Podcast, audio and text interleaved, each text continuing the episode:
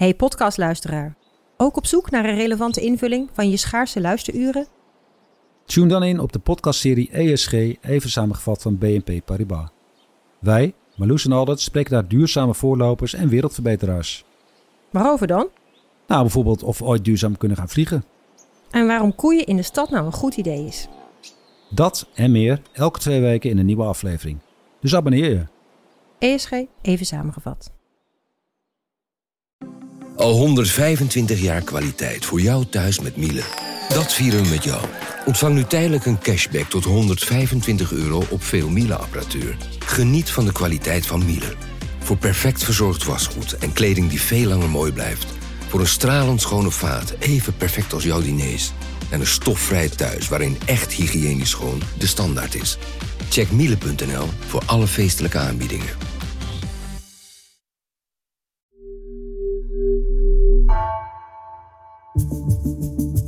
Vanaf de redactie van NRC het verhaal van vandaag. Mijn naam is Egbert Kalsen.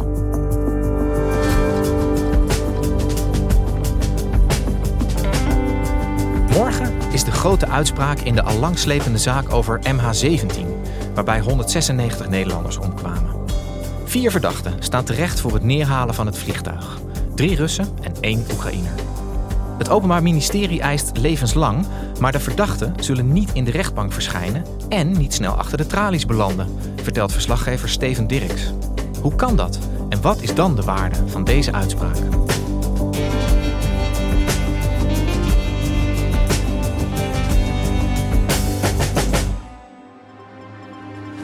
Goedemiddag, u kijkt naar een extra NOS-journaal in verband met nieuws uit Rusland. Het Russische persbureau Interfax meldt dat er een passagiersvliegtuig is neergestort in het grensgebied van Rusland en Oekraïne. Meer dan acht jaar geleden is het inmiddels al. 17 juli 2014 vloog een vlucht van uh, Malaysia Airlines van Amsterdam naar Kuala Lumpur. En die werd boven het oosten van Oekraïne neergeschoten. Naar we nu weten met een boek luchtafweerraket. Daarbij zijn alle 298 inzittenden omgekomen, waarvan 196 Nederlanders. Hier achter mij de brokstukken. Dit is het staartstuk van de Boeing 777 van Malaysian Airlines. Wat vooral pijn doet, wat heel confronterend is, zijn de koffers, de spullen, de mensen die aan boord zaten. Je ziet alles wat je herkent uit Nederland. Hagelslag, uh, oranje pennen, een voetbalshirtje, een t-shirt dat zegt I love Amsterdam. Nou, op dat moment was er in het oosten van Oekraïne een burgeroorlog gaande. Of misschien kun je beter zeggen een geheime oorlog van Rusland tegen de Oekraïnse regering. Duidelijk is dat de oorlog uh, rechtstreeks heeft geleid tot dit ongeluk. Want ik denk dat eigenlijk iedereen er wel vanuit gaat dat er niet bewust op een passagiersvliegtuig is geschoten. Dit is een van de grootste tragedies in de Nederlandse luchtvaartgeschiedenis. En het is vooral zo pijnlijk omdat deze mensen helemaal niets te maken hebben met het conflict in Oost-Oekraïne. Acht jaar na het neerschieten van MH17 is er eindelijk een uitspraak in een rechtszaak. Er zal er recht worden gedaan aan de 298 slachtoffers en ook hun nabestaanden die nog steeds met deze ramp leven. Het Openbaar Ministerie heeft levenslang geëist tegen de vier verdachten. Dus uh, het wordt heel spannend om te horen of de rechtbank ook vindt dat deze vier schuldig zijn en welke straf ze dan krijgen opgelegd. Wij vorderen de verdachten Kirkin, Dubinsky, Pulatov en Garchenko ieder voor het in vereniging doen verongelukken van een vliegtuig met de dood tot gevolg en de moord in vereniging op 298 inzittenden te veroordelen tot een levenslange gevangenisstraf. De inzittenden van MH17 konden geen kant op en hun kans op overleven was nihil. Ja, Steven, als je dit zo hoort, dan uh, zal het voor veel mensen weer terugkomen, de aanslag van destijds. Um, morgen gaat de rechtbank uitspraak doen in die zaak. Hoe gaat dat er precies uitzien? Nou, dat is, ziet er eigenlijk een beetje eigenaardig uit. Want aan de ene kant, waar het, uh, waar het publiek zit in de pers, dan zal het uh, afgeladen vol zijn. Daar zal iedereen in, uh, in grote spanning zitten te wachten op de uitspraak. Maar ja, achter het hekje, zeg maar, in het verdachte bankje zit niemand. Want geen van de vier verdachten heeft zich gemeld. Ik zei ook niet aangehouden. En de vraag is ook natuurlijk of zij ooit in de gevangenis zullen belanden. En we hoorden net al de, de vier namen van die verdachten. Kun jij eens vertellen wie die vier mannen zijn? Ja, drie van hen zijn typische vertegenwoordigers van een hele generatie van Russische medewerkers van de geheime diensten. Zowel van de FSB als de GRU, dat is de militaire uh, inlichtingendienst van Rusland. Dat zijn mannen die hun carrière hebben gemaakt in de Tsjetsjeense oorlog in de jaren 90 en daarna in de Tweede Tsjetsjeense oorlog in 1999. Uh, mannen die al met pensioen waren. Maar in 2014 zich toch op de een of andere manier in deze oorlog eh, terecht zijn gekomen. Drie Russen ook. Hè? Dus uh, Igor Girkin is een voormalige officier van de FSB. Die zijn carrière ooit begonnen is als oorlogsvrijwilliger. Dan in begin jaren 90 is hij in oorlogen gaan vechten die in de voormalige Sovjet-Unie uitbarsten. En daarna is hij, heeft hij eigenlijk nieuw emplooi gevonden in Tsjetsjenië, waar toen vreselijke dingen gebeurden. En waar Girkin waarschijnlijk ook bij betrokken is geweest. Dat was heel vaak gewapende FSB-agenten die dorpen omringden, mannen eh, aanhielden en die verdwenen dan. Nou, die werden later dood uh, teruggevonden met sporen van martelingen op het lichaam. Dus het is, waarschijnlijk is dat verleden van Gierkin heel duister. Dat geldt denk ik ook voor de twee anderen. Voor Sergei Dubinsky, dat is een medewerker van de GRU. Alek Pulatov is ook een medewerker van de GRU. Die hebben ook daar gevochten. Dus er is een hele generatie mannen die hun carrière hebben gemaakt in een vreselijke oorlog. En die uh, nou ja, daar waarschijnlijk de sporen van dragen. Dus zijn mannen die uh, geen enkel mededogen kennen. Ja, en dat zijn de drie Russen. Er was ook één Oekraïner bij betrokken. Wie is dat? Ja, dat is een local, local hero, Leonid Garchenko. Iemand daar uit de regio. Iemand zonder militaire achtergrond. Eigenlijk weten we ook het minste van hem. Wat we weten is dat hij tijdens het neerschieten van MH17 een commandant was. Dus iemand die, iemand die zich had aangesloten bij die door Rusland geanceneerde opstand. Daar ook een leidinggevende positie had. Dus ook leiding gaf aan andere separatisten. Ja, want dat wou ik vragen inderdaad. Wat, wat is de rol van deze mannen geweest bij het neerhalen van MH17? Ja, het Openbaar Ministerie eh, beschouwt deze vier als een eh, hecht samenwerkende dadergroep. Als wij kijken naar de rollen van de vier verdachten, zien wij geen verschil in verwijtbaarheid. Alle reden dus om voor alle vier dezelfde straf te vorderen. Dus mensen die nauw met elkaar samen hebben gewerkt bij het binnenhalen van de, boek. En ook met als doel het neerschieten. En daarbij uh, kun je een soort van uh, hele grove verdeling maken. Waarbij uh, en Pulatov eigenlijk een beetje de mannen in het veld zijn. Dat zijn een beetje de field commanders. En Dubinsky en Gierkin waren wat mannen hoger in de lijn. Dubinsky had zeg maar, een hoge militaire functie. In de zin van dat hij uh, allerlei dingen coördineerde. Girkin uh, was eigenlijk de opperbevelhebber en de man die belde met Moskou. En, en deze vier mannen die hier nu voor de rechter staan. hoe, hoe weet het OM eigenlijk dat deze mensen de verdachten zijn waarnaar zij op zoek waren? Ja, dit is een heel groot internationaal onderzoek geweest. Hè? Dus dit is niet het Nederlandse Openbaar Ministerie heeft deze vier vervolgd. Maar het onderzoek is natuurlijk uh, uitgevoerd door verschillende landen. En daarvan is, uh, na Nederland, is Oekraïne natuurlijk heel belangrijk daarin geweest. En, daar, en ja, Oekraïne heeft ook veel bewijsmiddelen aangeleverd. En het belangrijkste bewijsmiddel zijn tapgesprekken. Gesprekken die de verdachten met elkaar hebben gevoerd. Да, да, что я привез, я уже в Донецке. Да, да, да, да. Да, ой, БМ. Да, да, да, я понял. Так, так, так. Она на этом, на тягаче. En ja, door, door goed onderzoek te doen is ook gebleken wie wie is. En op die manier heeft het OM dus uh, deze vier verdachten kunnen identificeren. Ja, ze moeten dus voor de rechtbank verschijnen, maar ze zijn er niet. Hoe kan dat eigenlijk? Nou ja, uh, uh, dat is een hele eenvoudige reden voor. Rusland levert deze mensen niet uit. Dus Rusland levert überhaupt geen staatsburgers uit aan andere landen. Ja, en deze vier hadden natuurlijk niet veel zin in om, om zich vrijwillig te melden. Omdat ze wel, uh, waarschijnlijk omdat ze wel voorzagen dat dat zou leiden tot uh, lange gevangenisstraf. Ja, en hebben zij in dat hele proces wel eens iets van zich laten horen? Ja, alle vier verdachten ontkennen dat ze schuldig zijn. Gierkin en Dubinsky hebben zich ook echt op een geringschattende manier uitgelaten over de rechtbank. Dus eigenlijk erkennen ze de Nederlandse rechtbank helemaal niet. Pulatov doet wel mee. Pulatov heeft zich ook laten vertegenwoordigen in de rechtbank door twee Nederlandse advocaten. Dus hij heeft echt een soort verdediging gevoerd. Die heeft ook videoverklaring opgenomen waarin hij tekst en uitleg geeft. Het is vandaag 22 oktober 2020. Boudewijn van Eyck en ik, Sabine Nieuwsgaten, zijn in Rusland. We zijn bij onze cliënt Oleg Polatov. Hij gaat een verklaring afleggen en wij gaan die verklaring filmen. Um, Oleg, first of all, could you give us a brief introduction, please? Высказать свое мнение о тех событиях, которые происходили на Донбассе. Это война, это всегда очень тяжелые события. Это гибель ни в чем не Waarin hij ook zichzelf ongelooflijk in de voet schiet door te bevestigen dat dat inderdaad zijn stem is en van de andere medeverdachten op die tapes. Want een van de samenzweringstheorieën die heel lang heeft rondgegaan op internet eh, en ook actief verspreid door eh, zeg maar Russische trollen, is dat al die tapgesprekken fake zijn, in scène gezet, maar Poulatov zegt van nee, dat ben ik. Alleen ik, ik had het niet over een. Ja, ik heb het hier niet over de boek. Of als ik het over de boek heb, dan ben ik bezig om de Oekraïners om de tuin te leiden, want ik wist dat ze meeluisterden. En, en waarom vindt die rechtszaak eigenlijk in Nederland plaats?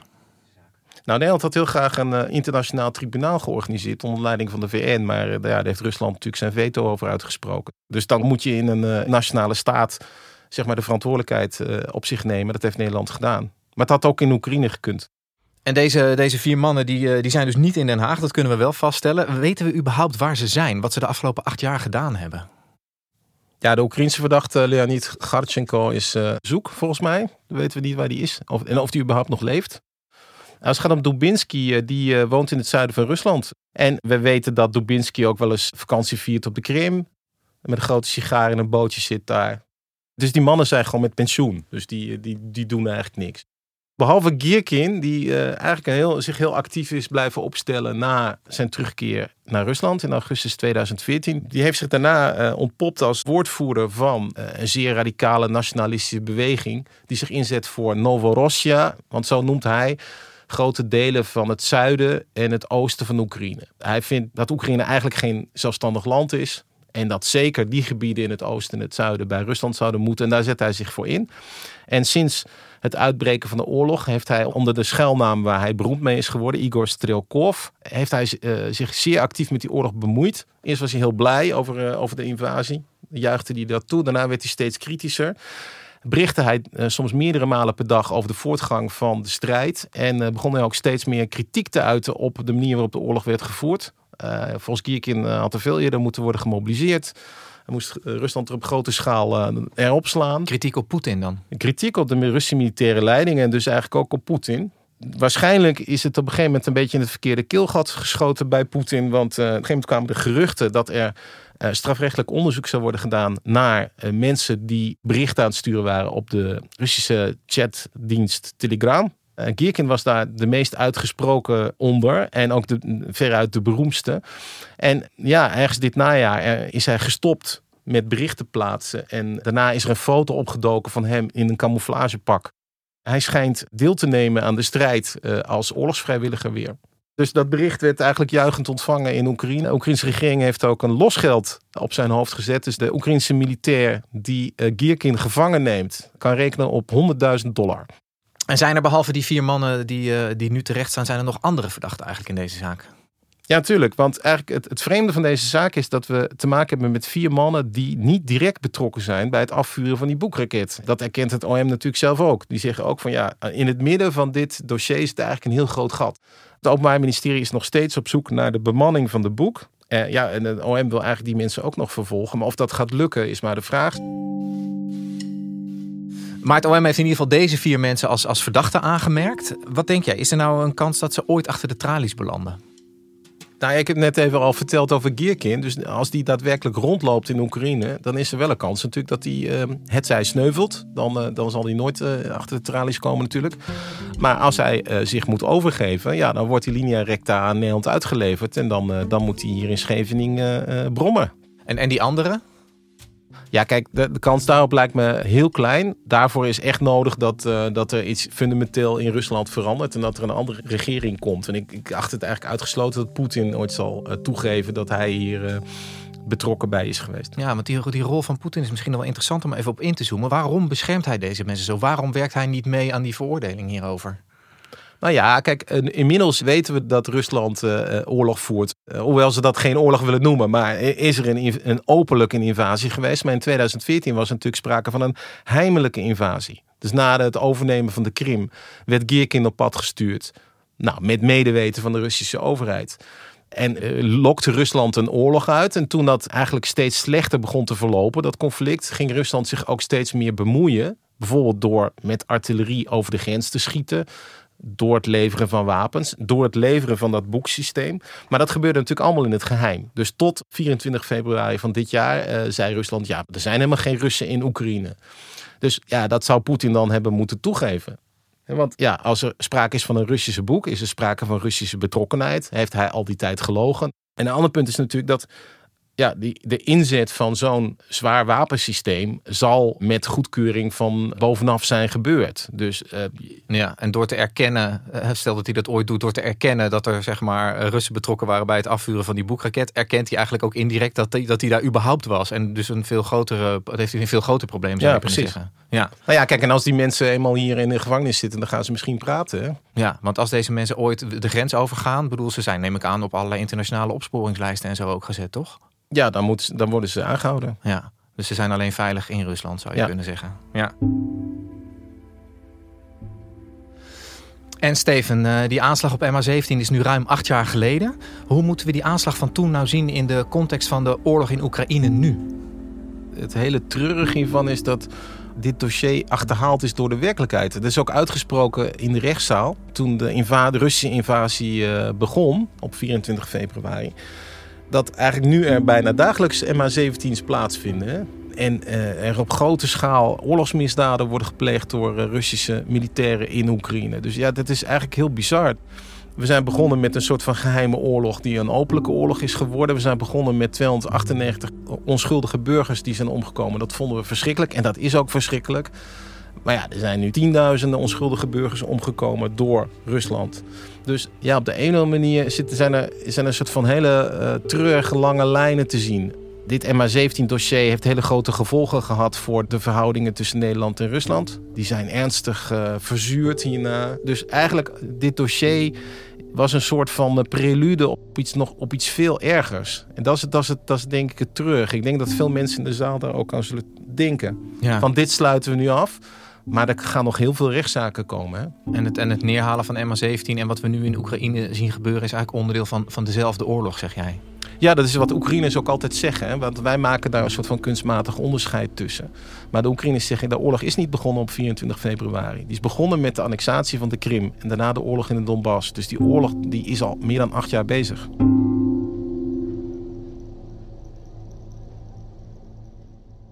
Morgen horen we dus of die eh, vier verdachten inderdaad levenslang gaan krijgen van de rechter. We hebben het hier ook veel over de verdachten, maar wat denk jij dat de afronding van deze zaak nou voor de nabestaanden gaat betekenen? Ja, voor de nabestaanden is het ontzettend belangrijk.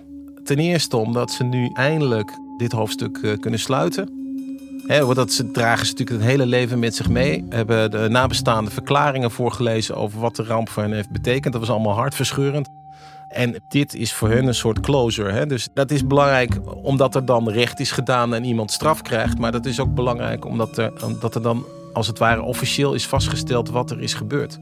En dat is ontzettend belangrijk, want er zijn nog altijd mensen die tegengestelde beweringen doen, vaak in opdracht van het Kremlin. Maar bijvoorbeeld als je Forum voor Democratie neemt, daar wordt actief de, de boodschap uitgedragen dat het helemaal niet duidelijk is wie MH17 heeft neergeschoten. Dus ja, een, een rechtszaak met veroordelingen, maar uh, geen verdachte achter de tralies is natuurlijk onbevredigend. Uh, vooral ook voor de nabestaanden. Maar ja, dit is toch wel het beste alternatief. Dat vastgesteld is wat er is gebeurd en wie daar verantwoordelijk voor is.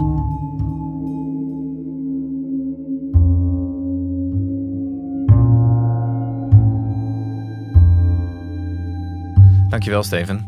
Graag gedaan. Je luisterde naar vandaag, podcast van NRC. Eén verhaal, elke dag. Deze aflevering werd gemaakt door Nina van Hattem en Jeppe van Kesteren. Dit was vandaag, morgen weer.